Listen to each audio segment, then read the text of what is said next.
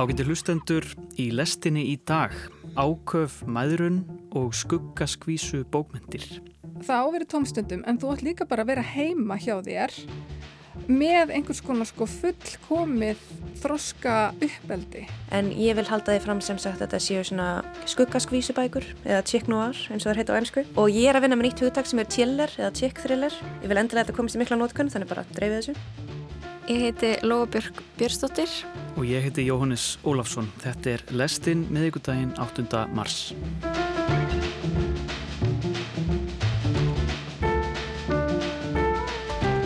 Í dag á alþjóðlegum baráttu degi Kvenna eru okkur mæður haugleiknar hér í lestinni.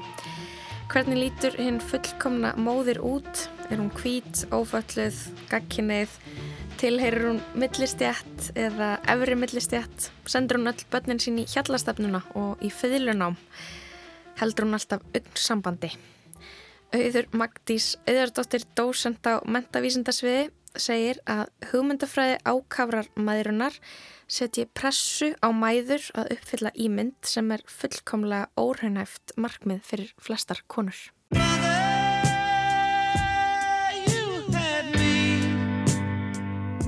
Ég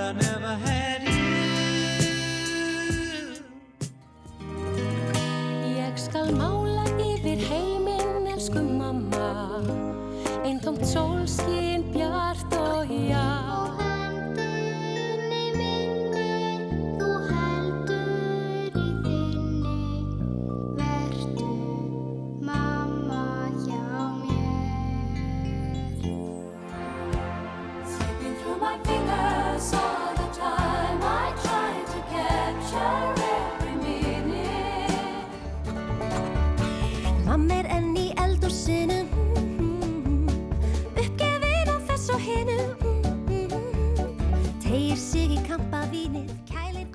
Mánudaginn hér í lestinni veltum við fyrir okkur nýjuppteknum sið hérna á Íslandi, svo kallum steipibóðum, þar sem kvenkins aðstandendur ófrískar konu halda pálunubóð og gefinni gjafir.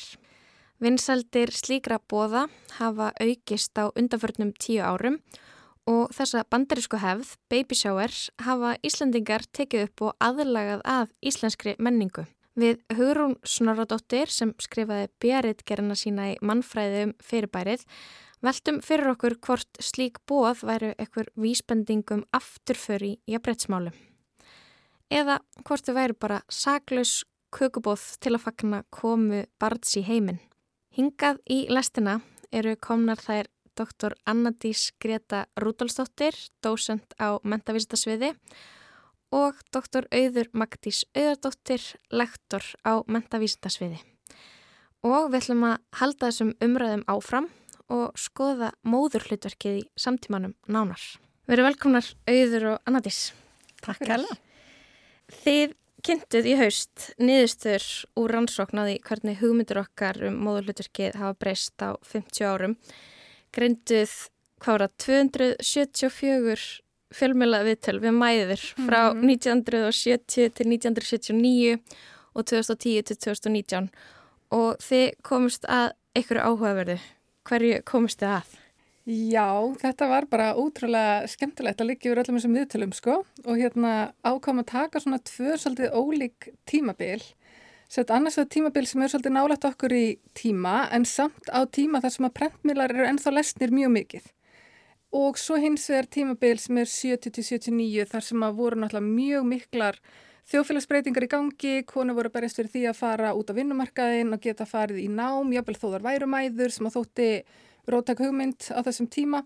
Og okkur langaði svolítið bara svona að skoða hvernig þær tala um móðurhlutverkið í þessum viðtalum og svona hvað þeirra orð segja okkur um samfélagsgerðina og um það bara hvernig er litið á konur og hvernig er litið á, á mæður. Og komast að alls konar áhugaverðu sko. Náttúrulega 1970 til 1979 eins og auðvitað var að segja voru bara rosalegar umbreytingar í íslensku samfélagi, konur að fara inn á vinnumarkaðinn og kvennarheyfingin virkilega að hveða sér hljós og rauðsökuna voru mjög sterkar á þessum tíma. Og þar voru þær mjög mikið að berjast fyrir því að e, svona slagor sem margir þekkja frá þessum tímar, konur eru líka menn, að konur væru einstaklingar eins og kallar og e, voru að berjast fyrir því að hafa réttindi á vinnustaf og svo framvegs. Á þeim tíma var hérna móðurhlutverkin, þetta var mjög mikið svona séð í samingi við það að vera húsmóðir. Bara þú ert húsmóðir og hugsaður um heimilið og börnin, uh, gefið þeim að borða og, og hérna kalla svo, já, þrýfur heimilið og, og svo leiðis. Og hugmyndunum val að þá voru það svolítið spáði hvernig getur breytt samfélaginu þannig að, að við getum líka nýtt okkar möguleika til þess að vinna til dæmis eins og kallmenn vera að berjast fyrir því að fá leikskóla eh, svona til að riðja úr vegi alls konar hindrunum fyrir því að, að geta verið virkir einstaklingar í hennu ofinbera rými eins, eins, og, eins og karlar mm. og fá þá líka til að taka meira þátt í því sem var að gerast eh, á heimilinu. Þannig að það voru að berjast fyrir því bæði að, sagt, að, að skapa möguleika fyrir þær að fara e, á vinnumarka en svo líka að reyna að breyta svolítið heima fyrir að reyna að ala börninu þannig að e, til dæmis að fá strákana til þess að, að vasku upp og, og hérna verður með svolítið svona jafnbryttis uppeld, uppeldi mm -hmm. í gangi á þessum mm -hmm. tíma sem er mjög skemmtilegt. Og mér finnst mjög áhugavert sko á þessu fyrra tímabili að það kemur svona í í viðtalunum þá kemur svona skýr greining þessara kvenna á samfélagslegum hindrunum sem að þær mæta. Það eru mjög meðvitaðar um, þú veist, staðalmyndir um hérna hvað konur eiga að vera og hvað konur eiga að geta, staðalmyndir um hvað mæður eiga að gera og hvað þær eiga að geta og þær tala um sko í rauninni samfélagslega kerfislegar hindranir bara, þú veist, ávið meðal félagsfræðingin, sko, þú veist, bara alls konar konur sem eru að nýjum viðtölum. En svo sjáum við að, sko, setna tímabilinu, 2010-19, að þá er þessi samfélagslega ríni farin út. Að það er ekki, þú veist, það er mi mikið minni umræða um kerfislegar hindranir sem að gætu orðið í vegi fyrir því að, þú veist, staði vegi fyrir því að konur sé að hafi frjálst val. Það er einhvern veginn bara, hérna, það er bara álíkt að allar konur hafi frjálst val, puntur. Þú veist, og það er einhvern veginn engin umræðum það að mögulega er eitthvað ennþá í samfélagsgerðin okkar sem að er að íta konum í ákveðnar áttir og tóa okkur hingað og þangað og gera alls konar kröfur og pressu og eitthvað svona. Þannig að það fer út sem er mjög, sem er klárlega bakslæga mínum að því, sko. Þessi svona, þessi meðvitundum, þessi samfélagslegu öll, sko. Já, þá ætla að háki sama við þessa hugmynd sem verður kallað postfeminismi að þá er gengið út frá því já, við höfum náð uh, jafnrétti og nú er það bara undir einstaklingnum komið hvernig honum gengur á lífsliðinni. Þannig að konur, af því að við vorum að tala um að bara áður að hindra úr vegi svona kerfislegum hindrurum fyrir því að velja þarna er litið svo á að það sé búið að losa okkur við þar en nú er það bara konur sem þurfa að taka réttar ákvarðinir til þess að þær nái e, því framstæðan vilja, svo, mm. svo að ná að verða besta útgáfuna sjálfur sér, svo ég mhm. vittni nú í þann slagara. Já. Og þá besta mögulega móðir sem hægt er að vera Já, líka. það var náttúrulega mjög ríkjandi líka á setna tímbilinu, sko, og náttúrulega fyrra tímbilinu þá er það ennþá bara svolítið svona menningaleg skilda hvenna verða mæður, þú veist, það var bara það er bara lífshandritið sem að þú átt að fara eftir, sko, og maður hefði kannski einhvern veginn haldið að í nútímanum sé þetta lífshandrit ekki svona skýrt eins og það var þá sko en svo sjáum við að það er ennþá í gangi það er bara eins öðruvísi orðræðinni kringum það mm. og það mhm. sem við sjáum til dæmis er að hérna núna er það svo æskilagt fyrir konur að verða mæður af því að það svona þroskar þær og það er einhvers konar svona andleg upphafning eða andleg vakning falin í því að verða móðir sem þú getur ekki fengið með einum öðrum hætti. Og þá er náttúrulega undirlegjandi skilabóðin að þú veist, að þú ert ekki móðir eða þú veist, getur það ekki eða kýst að verða ekki móðir að þá, þú veist, vanti eitthvað í þig. Þið vantar einhverja andlega þroskun. Þetta sá við, þetta var alls ekki, ekki eins og þú veist, ekki einu svona einsetning um þetta á fyrratímabilinu, sko. Mm. Þá er bara meira svona, já, já, við erum alla mæður, einhvern veginn... Mm -hmm, bara staðarind, en... Já, já mm -hmm. en núna er þetta bara svona algjörlega upphafið og einhvers konar heilög skilda sem að, já, sem er kannski ekki mjög svona vænlegt til jafnbryttis áttar, sko. Þú er besta útgáfna sjálfur ef þú ert móðir. Já.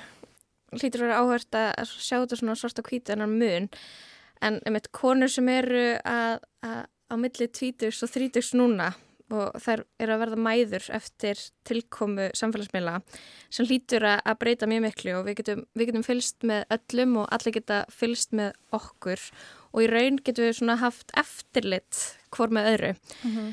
Það er þessi mömmublogg, það er maðuratips á Facebook, það er þessi mömmu áhrifavaldar á samfélagsmiðlum, stöðug skilaboð frá samfélaginu um það hvernig er best að alveg börn, uh, hvernig maður hlutverki lítur út, hvað gerir manneskja góðri móður. Er þetta ekki kjör aðstæður fyrir ákafa mæðrun? Það er svona hugtak sem ég langar að spyrja ykkur út í. Hvað getið þið sagt mér um ákafa mæðrun? Þetta er náttúrulega bara sko hugmyndafræði sem hefur skotið bara nokkuð sterkum rótum mjög víða á meðal annars á Íslandi sko sem að gera þá ráð fyrir að þú veist eh, þarfi barnsins hafi alltaf í öllum tilfellum sko forgang fram með þarfi móðurinnar og að uppeldis hlutverkið sé bara mjög flókið, mjög tímafrækt, mjög kostnæðarsamt þannig að það er ekki heldur hérna aðgengi fyrir allar mæður að því að uppfylla þessar kröfur ákafara mæðurinnar að því að þú átt að vera með barnið í svo svo mörgum tómstundum. En ekki síst þá áttu líka þú mátt samt ekki vera tækur móm sko. Þú veist, þú mátt ekki vera með það samt sko. Að reyna að koma þinn í landsliðshópin í fimmlegum. þú veist, það er mögulega orðið óeskilegt sko. En þá kemur svolítið á móti sem við sáum með mitt viðtalum líka að þú, það áveri tómstundum en þú átt líka bara að vera heima hjá þér með einhvers konar sko fullkomið þroska uppeldi í gangi inn á heimilinu sem er náttúrulega í rauninni ennþá flóknar hlutverk heldur en bara þú kaupir tónlistatíma. Þú veist, þá þarf þú einhvern veginn sjálf að vera bara að kulti vera barnið til að þú veist, kunna réttu orðin og réttu tónlistina og réttu mannasiðina og allt þetta. Og þú veist, svo kemur náttúrulega líka sem ég verið að rannsaka líka svona skólaval, þú ert að búi rétt að hverfinu til að hafa aðgengi réttu fólkinu, til að aðgengi réttu skólanum, jafnveg leikskólanum, mm klárlega grunnskólanum og 100% eru að tala um líka þe- þessa dýnamiki í framhaldsskólanum. Þar sem að þú þarfst að vera í veist, rétta skólanum til að, eða barnið þarf að fara í rétta skólan til að þú hafið sint hlutverkiðinu vel einhvern veginn. Og þetta byrjar með snemma, það er uh, auksamband með hann á brjóstakjöf, það má ekki rjúfa það. Má, það er allir orðinir mjög meðutar um tengslarof og frumbernsku og, og kannski eitthvað krafa komin á konur um að vera sérfræðingar í uppeldisfræðum og, og já, vera bara einhvern veginn sérfræðingar í börnunum sínum. Og þetta er mjög erfitt í þær fá líka mjög misfyrsandi upplýsingar um það eh, hvað er gott uppeldi og, og hvað ekki. Og þetta er náttúrulega mjög áhugavert þetta með aðteklin, þetta þarf alltaf að vera 100% aðtekli sko á barninu, það er ekki nóg að vera með barninu. Það, þú ert alltaf að vera með hugan við það. Mm -hmm. Getur verið að kíkja neitt í síman eða neitt svoleiðis, annars getur nú einhver bara Já. farið og seima þig á, á samfélagsmiðlum. Og, og við vorum um þetta að stafna gögnu núna um samskupið og hérna Mæðra samskupið. sko og líka fæðra, við erum með Já. bara fóreldra okay. þarna undir sko og við erum ekki búin að byrta neitt úr því sko ennþá en þar kemur til dæmis í ljós að konur eru með samskupið yfir því að vera að elda matinn heima og ekki að horfa í augun á barninu þú veist er En hver á þá að elda? Já, þú veist, Já. þetta er alveg það langt gengið að jafnvel þú sést að sinna störfum sem að áður hefur talist mjög eðlileg húsmóðurstörf og partur af þessum pakka að vera húsmóður og móðir að þá ertu samt með samanskapið að því þú ert ekki með 100% aðtegla barninu að því þú ert að hérna elda matið að þrýfa bara, Einmitt. þetta er mjög Já. langt gengið Það, það sko. er bara mjög erfitt að vera til. Já, Og það eru alls konar stefnur og ströymar sem koma í, í þessu virðingaríkt uppeldi og já, og það er svo mikið aðgengi að uh, alls konar kenningum.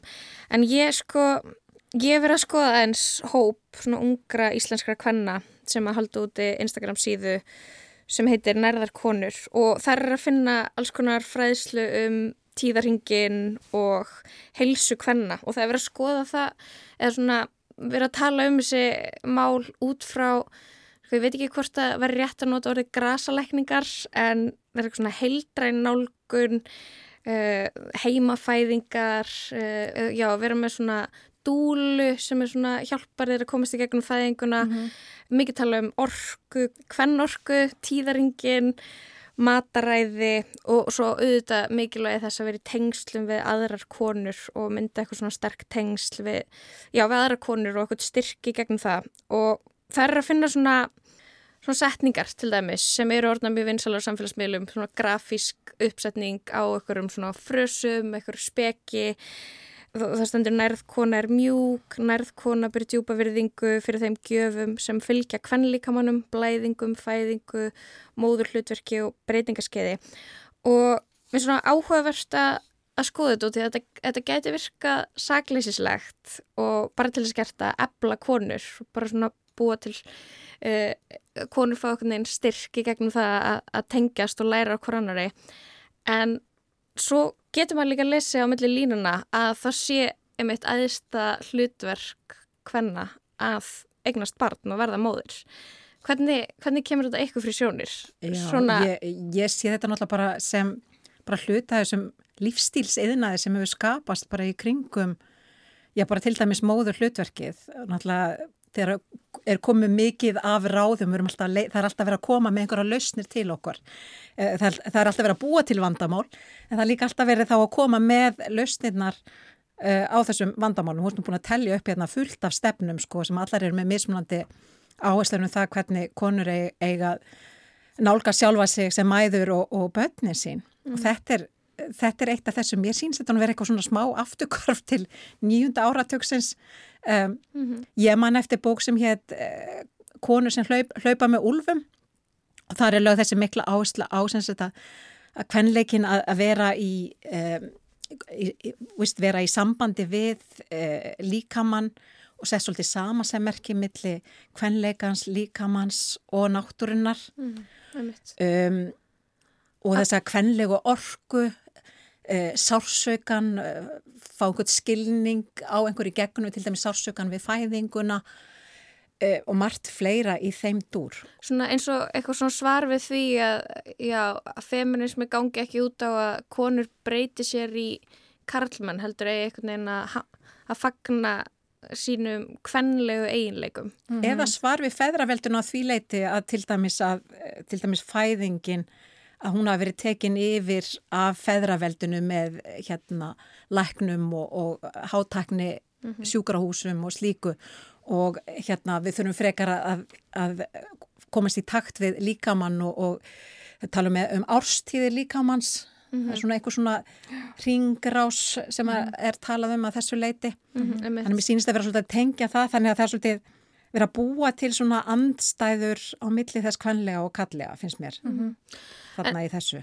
En ef sko á samfélagsmiðlum þá svona kemur manni þannig fyrir sjónir að feminismi og, og svona umræða um kvanréttindi og jafnrétti kynjana er mjög virk en á sama tíma er að verða verða mm -hmm. til eitthvað svona mm -hmm. uh, stefnir og ströymar sem mann finnst vera mm -hmm. eitthvað svona bakslag er þetta eitthvað búin að veltaði fyrir ykkur af hverju þetta er að gerast á sama tíma? Sko við búum bara við svo gríðarlega sterka einstaklingshyggju að sko mér finnst alveg skiljanlegt að þegar við erum með eitthvað svona skil og annarsegur um bara já þú veist konur þurfa að standa saman og þú veist girl power og eitthvað svona annarsegar og svo hins vegar þessa rosalega einstaklingshyggju sem er bara hver er næstur sjálfum sér, uh, hérna, það er, það er ekki tilneitt sem heitir samfélag og allt þetta sko, að útkoma nú þegar þetta tvent sko tvinnast saman, verði þá eitthvað svona, þú veist, mér finnst það í rauninni eðlileg aflegging að það sem er bara einhvern veginn, já ok, þarf þá ekki bara hver og ein kona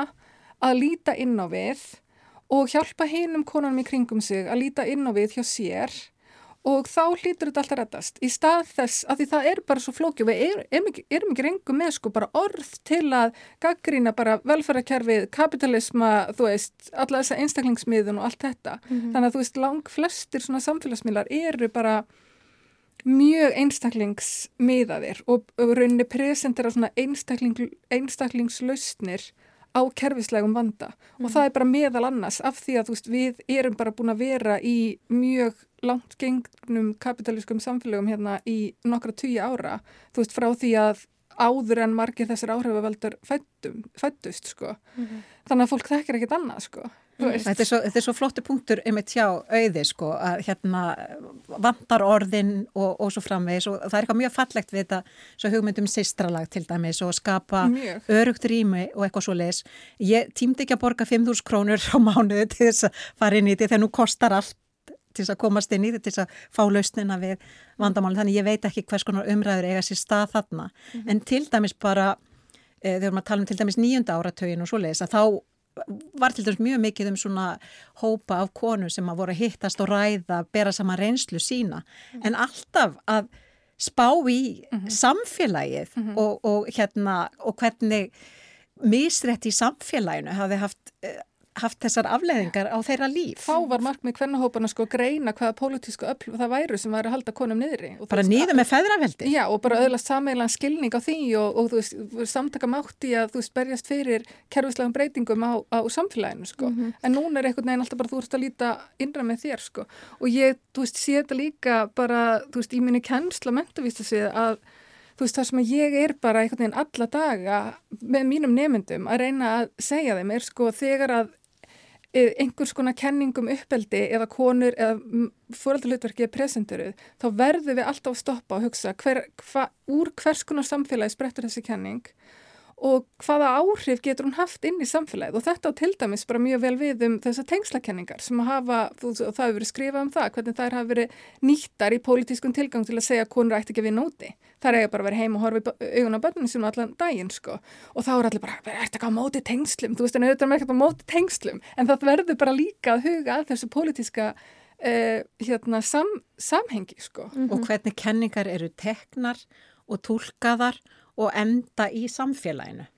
um Sko, ef við þarna, beinum sjónum okkar svona lokum aðeins aftur að steipibóðum sem eru oftast haldinn fyrir manneskjuna sem gengur með barn, móðurina hvað er þessi steipibóð að eitthvað mati að segja okkur um hugmyndir okkar í svona samfélagin í dag um móðurhlutverkið og með við til dæmis föðurhlutverkið? Er þetta, er þetta skilja þetta líka sem bakslag? Um, sko, þetta eru náttúrulega algjörlega lokaðir svona hvenna viðburðir og þá komum við aftur inn að ákveðu maðurinni það sem er bara eitthvað móðurinn er foreldrið með stórum stöfum og föðurnum er algjörlega ítti hlýðar hans þáttakarunni valkvæð og bara jú, ég alltaf lægja hann takar þátt en það er, þú veist, þetta er ekki miðlagt í hans lífi, sko og þá er þetta, þessi hugmyndum er klárlega íta, þú veist, þessi steipabúr er klárlega ít undir þessa hugmynd, sko, við gætum alveg hugsað okkur steipabúr þar sem þetta væri einhvers konar fjölskyldu samkunda sko, þar sem að væru líka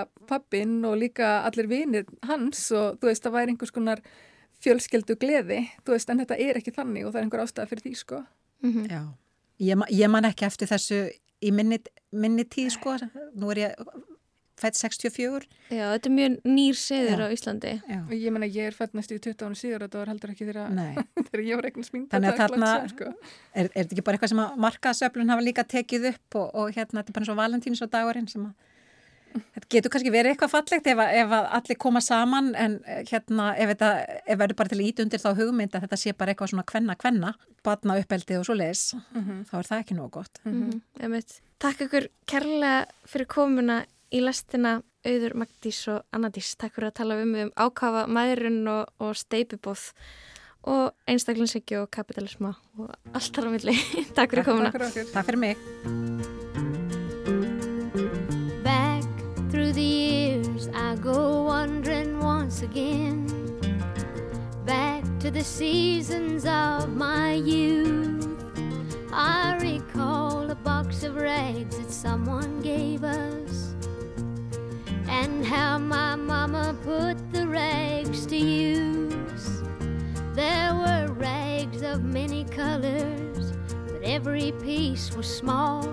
And I didn't have a coat, and it was away down in the fall. Mama sewed the rags together, so in every piece with love, she made my coat of many colors that I was so proud of. Lægið Coat of Many Colors, þá er hún Dolly Parton sem syngur um kápu sem mamma hennar saumaði á hana.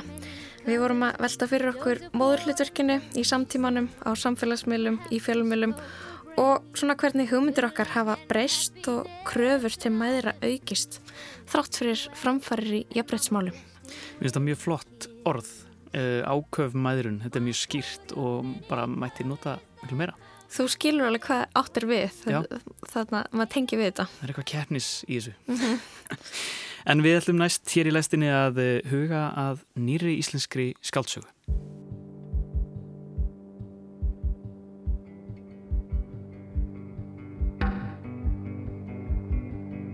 Before you gotta go, go, go, go. I wanted you to know, no, no, no. You're always on my mind. You're always on my mind. If something were to happen, my dear. Hingað í lestina er komin Sjöfn Asari, verður velkomin. Takk. Það sem þú þráir, þetta er önnur skáldsæðin, uh, komin út á hljóð og rafbók. Um, þetta, er, þetta er saga sem fjallar um unga konu á krossgötum, þetta er saga um ástina, þetta er saga um ránkugmyndir og blekkingar og ljóð leindarmál.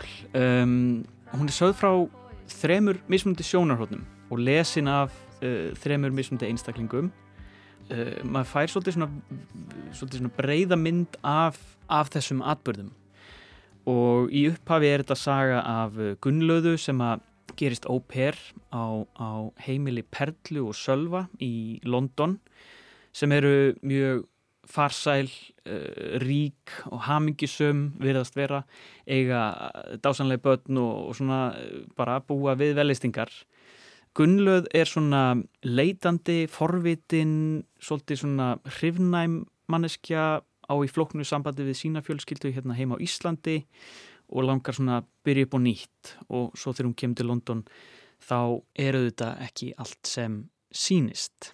En það sem að mér langar að byrja á ræða er þetta orð, pair og í hverju það fælst. Þetta er, við vitum flest að þetta er einhvers konar húshjálp yfirleitt ung fólk sem kemur inn á ókunnu heimili og, og hugsa um börn og þrif og annað um, en þú uh, verð smá tíma í að, að ræða þetta orð, pair það hefur svolítið sérstakka merkingu Hva, hvað þýðir pair? Herru, það þýðir í grunninn jafningi sem er bara gott blessað en ég veit ekki hvernig það varð að þessi hugtæki fyrir innflutta barnapíu sem býr heimi á þér. En mér er bara svo oft áhugavert hvernig orð hafa þú veist skiptu með að mist merkingu einhver tíman á lífsleðinni og svo maður alltaf að segja eitthvað sem maður veit eitthvað þýðir. Var þetta upplegið alveg frá upphafi að skrifum, skrifum þetta? Uh, já, eiginlega. Og náttúrulega sagan þróast svolítið á leiðinni. En fyrst var hún kannski aðeins meira svona að pæli þessum aðstæðum að ég hef aldrei verið óper sjálf en ég þekki marga sem hafa gert það. Og það sem ég hugsa mest um er hvað þetta hlýtur að vera ógeðslega vandræðilegt eða það er bara heima hjá einhverjum sem þú þekkir ekki neitt, þú ert svo bara að fara í buksur, hver er þú, þú veist, ha? Mm. Uh, og líka oft talar ekki sama tungumál og krakkarnir og eitthvað svona, uh, þannig já, ég myndi segja að það hefur þróast soldið á leðinu en það byrjaði akkurat á þessum ótrúlega skrítna, þú veist, þessar ótrúlega skrítnu lífsreynslu að vera allt í orðin heimilismæður en samt ekki. Og líka svolítið svona glögtir gests augað, maður er komin inn á heimili hjá fólki með einhverja siði og vennjur og kannski er eitthvað skrítið sem þau veit ekki af en þú sérð. Og Gunnlauð er svona sko upplifur þetta sem einhvern veginn ótrúlega spennandi þetta er ævintýri nýr kapli en Sölvi og Perla sem eru að ráða hana fyrir heimilið sitt og, og börnin sín tvö þau eru bara skiptum starfsmann, þau eru að fóra nýjan au pair og eru svo fegin að hún sé íslensk Já, einmitt Þa, Þannig að þú veist hún er að stíga inn í bara svona einhvern veginn íslenskt heimili í útlöndum Já. sem hlýtur að vera að búa bara þægilegt einhvern veginn. Já, algjörlega. Það er um þetta aðlega bara því bókin alltaf skriða á íslensku og ég ákvaða að vera oflókið að hafa nýtt tungumál og þú veist blanda saman, það bara praktísku ástæðunar ráðastundum. Já, akkurát. Hvers konar fólk fær sér óper?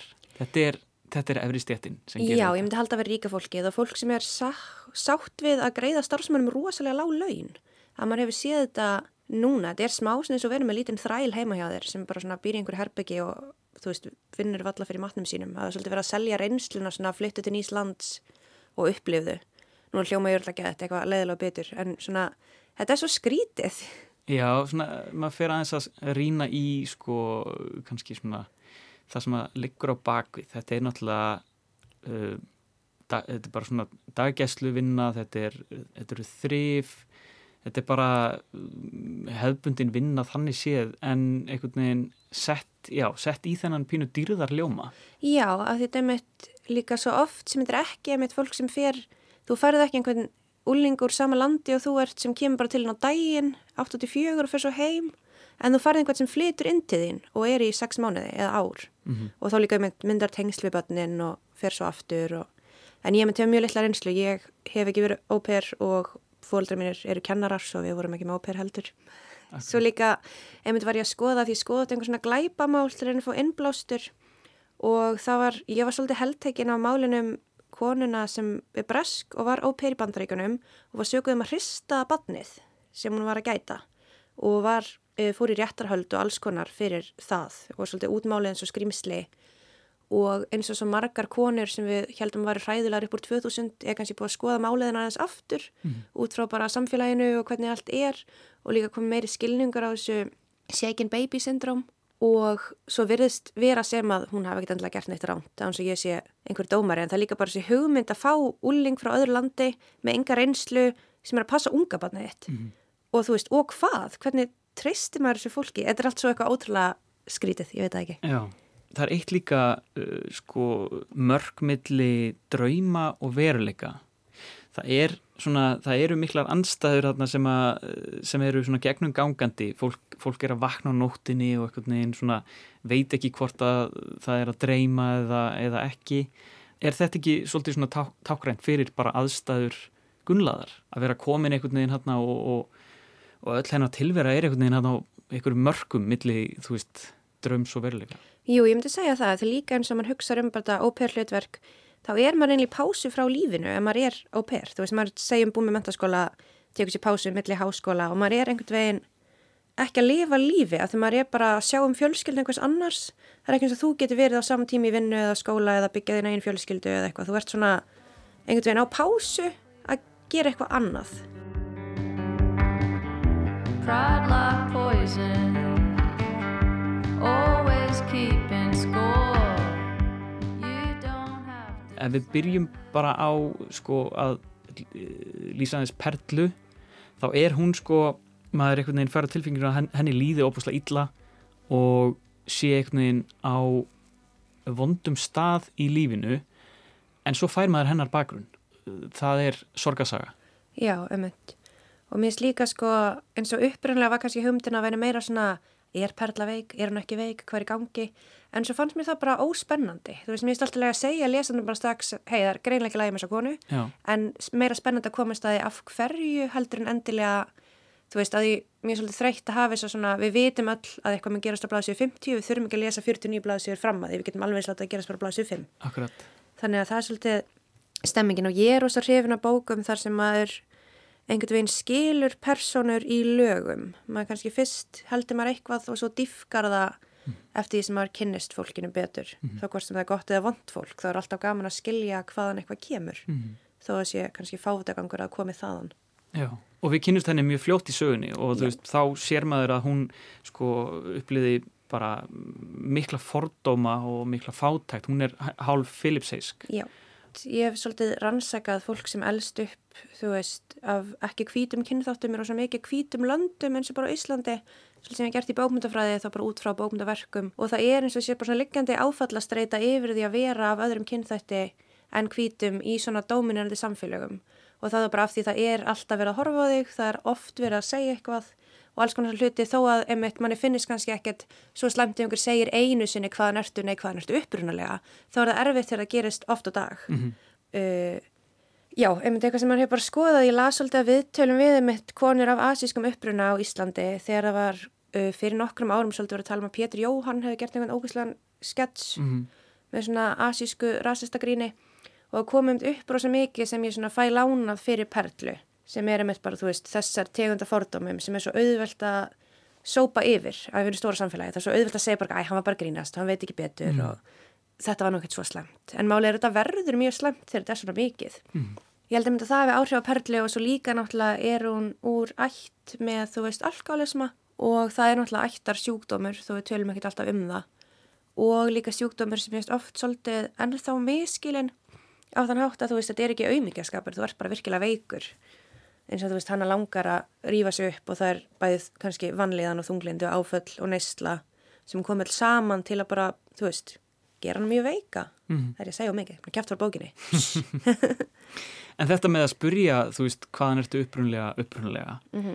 er náttúrulega svona, uh, svona algjörlega. smáreiti. Er þetta ekki að því að fólk veginn til þess að eiga rétt á því að vita allt um manneskjur? Já, og líka finnst okkur þurfa að vita þetta er smá eins og bara, þú veist þegar fólk er kannski kynnsegin fólk er bara ertu stölpið að strákur? Já, ef ég veit það ekki þá þetta ég. en maður stoppar að hugsa þú skiptir að því máli, þú ert að afgreða þessa manneski bónus þú veist, þarf eitthvað að vita hvaða kyn það er í raun og veru. Mhm. þú veist, raun og veru. Þetta er eitthvað líka sem ég sé stundum að því bara já, mann sem er af erlendu bergibrótin og hann fær rosalega mikið af þessum spurningum eins og hvað hann er og hvað hann er upprunlega nei, hvað hann sé í alvöru. Og um daginn var hann spurður frá hvað nýlendu ertu og ég var svona, ok, kom þessi maður með tímavél til að vera rasisti Já, ha? frá hvaða nýlendu ertu? Já, bara eitthvað, oh my god, þú tala næstu í fullkomna ennsku, frá hvað nýlendu ertu? Þannig að maður minn var eitthvað, já, þá horfum maður í svona nokkra segundur, þannig að það fyrir að vera óþægilegt Já. og svo segir maður maður verið frá London. Þetta er náttúrulega risa partur af, af hennar sögu en, en það sem er líka síðan stór hluti af sögunni er bara ofbeldi karla gegn konum Já, og, og misnótkun og það að, að eiga, telja sig eiga rétt og, og svona ge- geta síðan, geta hent fólki bara, fórnað fólki Já, um mig. þú veist, annars að segja of mikið sko Og þeim líka að finnast sumir bara ekki vera jafn mikils virði og aðrir. mm, Þú veist, að finnast sumir bara, þú veist, lífsumra skiptir ekki máli. Þú veist, hvernig fer fyrir þeim og hvernig þeim líður og allt það sem ég mynd held að það hljómar allavega í samfélagslega umræðu eins og það gleymist ofta að allir með tilfinningar eða þú veist, mm og kannski, þú veist, þú sért ekki eitthvað stóra merkilegur eða Guð fóruð þér kona, þá má þér svona kannski líða vel. You're always on my mind. You're always on my mind. If something were to happen, my dear, I wouldn't want the last words you hear. Aðalpersonan Gunnlöð kemur inn á þetta ókunnuga heimili á nýjan stað og gengur inn í nýja fjölskyldu og fer að sinna börnum og þrefum. Hún lýsir því síðar að það sé eins og að vera einhvers konar aðskota hlutur á heimili annara. Það verður þó fljótt ljóst að hún hrífst mjög af Sölva. Hann að fer að dagdreima um að komast nærunum, sofa hjá honum og verða í raun hluti af hans lífi, skipta út þessari konu á heimilinu, Perlu. Hún fer að laumast í född Perlu og stígur sífælt lengra inn í hennar veröld allt saman í huganum. Ímislegt sem kemur fram bara eiginlega strax, þú veist, maður myndi halda ætti að vera eitthvað svona secret plot en þú veist, það kemur bara af því þú veist, við vitum að hvert er að fara. Þannig já, Gunnlaug er einmitt skotin í Sölva og það með dáðunan kannski upphafna hátt sem hún hefur lendi áður, þú veist, hún sé bara einhvern mann og er búin að ákveða hvernig hún er að hún kynnist honum. Mm -hmm. En svo ég held líka að margir ger, eitthvað sem það gengur eitthvað langt eða ekki, maður sér ofta einhvern veginn, þessi ekki er cool, sem bara, nipp, þessi var ekki cool. En þú segir að við vitum hvert þetta stefnir. Er það, er það meðvitað? Er það skrifin í eitthvað svona formúlu? Uh, já, sko, nördalega svarið er að sem bókmyndafræðingur þá hef ég svo mikið áhuga á formúlubókmyndum og þetta er mín önnur svona glæpasaga en ég vil halda því fram sem sagt að þetta séu svona skuggaskvísubækur eða noir eins og það heit á ennsku og ég er að vinna með nýtt hugtak sem er thriller eða chick thriller. Ég vil endilega að þetta komist í mikla nótkunn þannig bara dreifið þessu. Og hérna og hugmyndin er að séu svona þessar kvennlægu glæpasögur sem eru samt ekki með nefnum löggum í. Þú veist heldur svona, þú veist heimilis hryllingur einhvern veginn. Mm. Þannig ég er svolítið að vinna með þessa glæpasögu formúlu á þennan kvenlæga hátt en að reyna að gera það vel. Af því ég les mjög mikið af glæpasögum og 78% af þeim eru ógeðslega lélegar og ég hata þær. Af það eru bara svo illa skrifaðar. Og það er ekki af því að þetta sé, þú veist, að glæpasögur séu lélega bókmyndir. Það er bara oft svo lélegum bókum hleyft út á markaðin. Eða þú veist, kröfunar er ekki alltaf mjög háar. Bara rétt eins og það eru örla til geðut leðilegar fagurbókmyndir líka. En svo eru sumar sem eru svo góðar. Og þá heyri ég frá fólki hluti eins og já, ég les ekki glæpasugur en þessi var geggja góð. Og mér finnst það svo eitthvað svona sem þessi svona bókaflokkur þarf er einhver sem kemur og vandar sig og skrifar kannski inn í formúluna en reynir að gera það á einhvern veginn nýjan hátt og kannski detta ekki í staðalmyndir og eitthvað gamalt kæftæði og bara býður upp á spennandi sögu. Þannig að þetta er mjög meðvitið formúlubók með ásetningi en ekki á þann hátt að það er að gera minna úr henni, heldur bara sagna hefð sem ég er að nýta mér og byggja á. Það var langa svarið. Stuttasvarið er formúlbók, nei nei.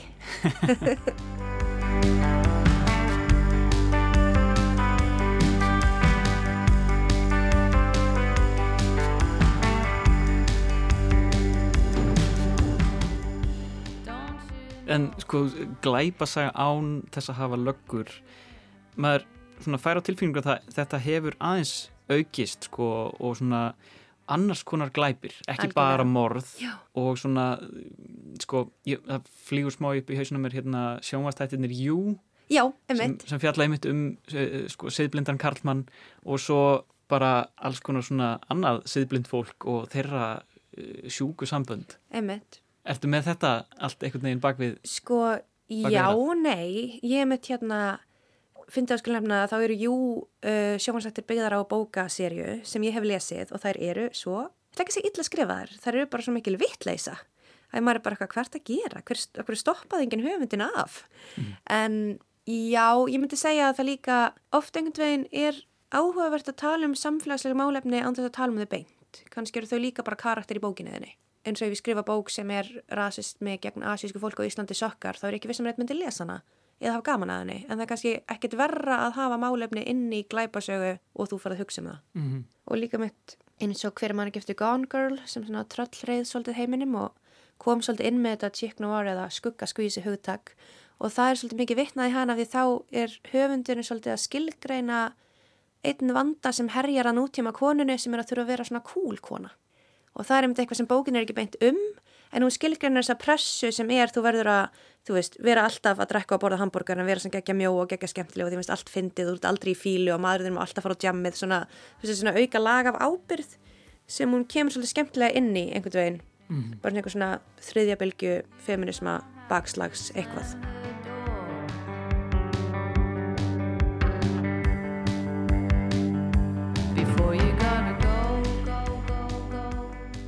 Bara rétt í lokin, það að skrifa fyrir hljóð, að, skrifa beint fyrir hljóð, þetta er náttúrulega líka rafbók en, en þú hlýtur að hugsa um þetta þegar þú ert að skrifa. Já, sko það finna er að þegar hún fór í hérna yfirlestur hjá Storytel þá var mér bent á konar hluti eins og veist að lengri setningar lesast betur í hljóði og svoleiði sem ég hafði ekki hugsað um áður. Og þá um eitt þegar ég var að fara yfir þá hugsaði ég þetta meira svona upphátt í hausnum á mér. Svona hvernig þetta myndi lesast. Já, ég veit ekki hvort það hefur síðan áhrif á hvernig ég skrifa í framtíðinni en getur verið. Mm -hmm. Þú fer að skrifa á, á papír, eða Ég- hvort þú skrifar á papír. Já, hver veit, Kannski er kannski er pappirinn dáinn og Já. þið heyrðu það hér fyrst. bara lengi liði streymið. Já, bara rétt eins og sannu listamæður, þá bara skrifa ég fyrir þann sem vil borga mér. Já, við skulum, við skulum segja þetta gott af bókinni Það sem þú þráir, Sjöfn Asari. Takk hérlega fyrir komin í lestina. Takk.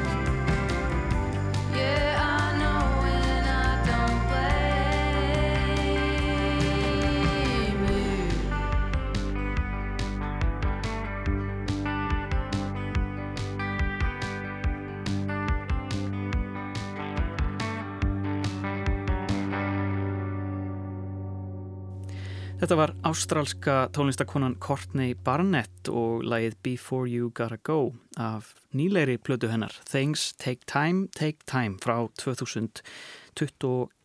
En við ætlum að halda okkur við nýlega tónlist, eða ekki? Jú, þann 24. mars uh, er væntaleg nýjunda plata söngkonunar og lagahöfundarins bandariska Lönudel Rey sem ber titilinn Did you know that there's a tunnel under Ocean Boulevard? Og margir aðdöðandur, söngkonunar, býða spendir, ég líka, jói, hlustar þú á Lönu? Að sjálfsögðu, ég hef gert það eiginlega bara frá upphafi.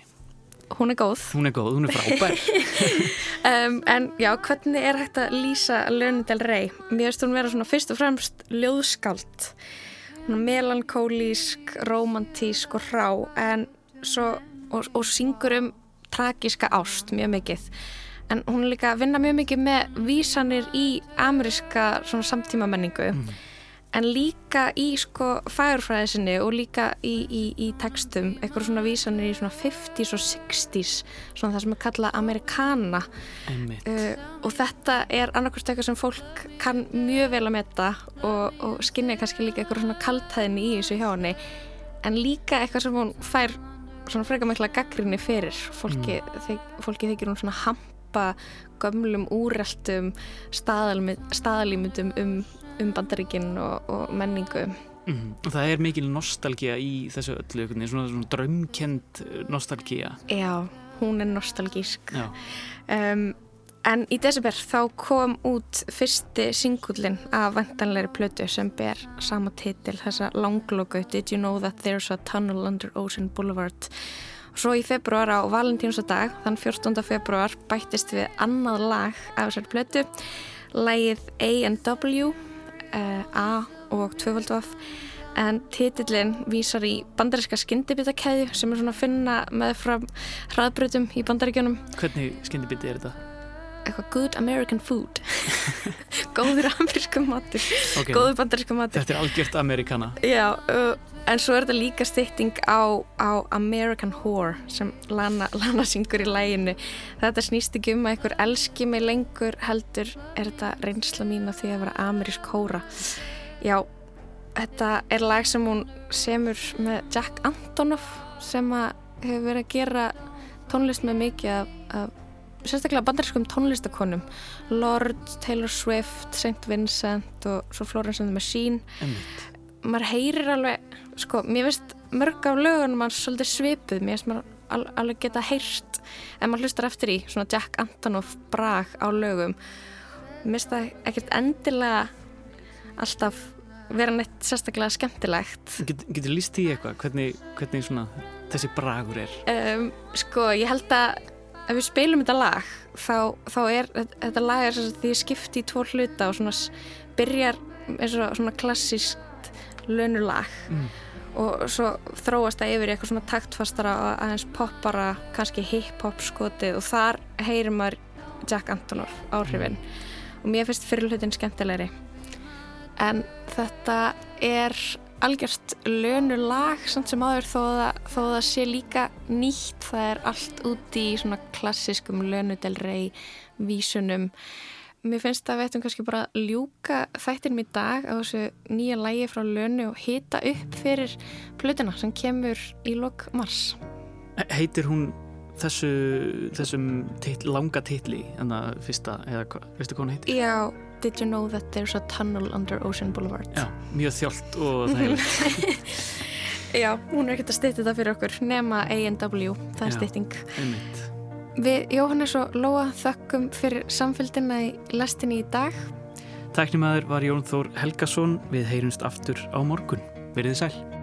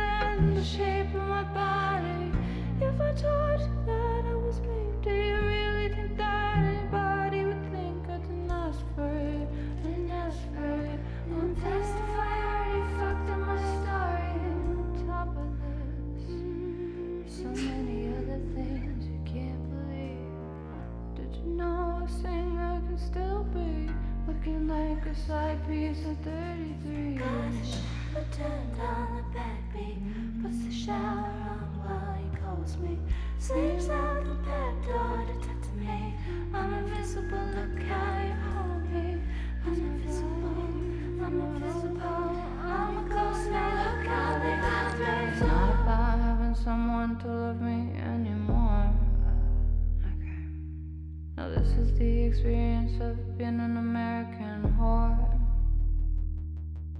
It's not about having someone to love me anymore. Now, this is the experience of being an American whore.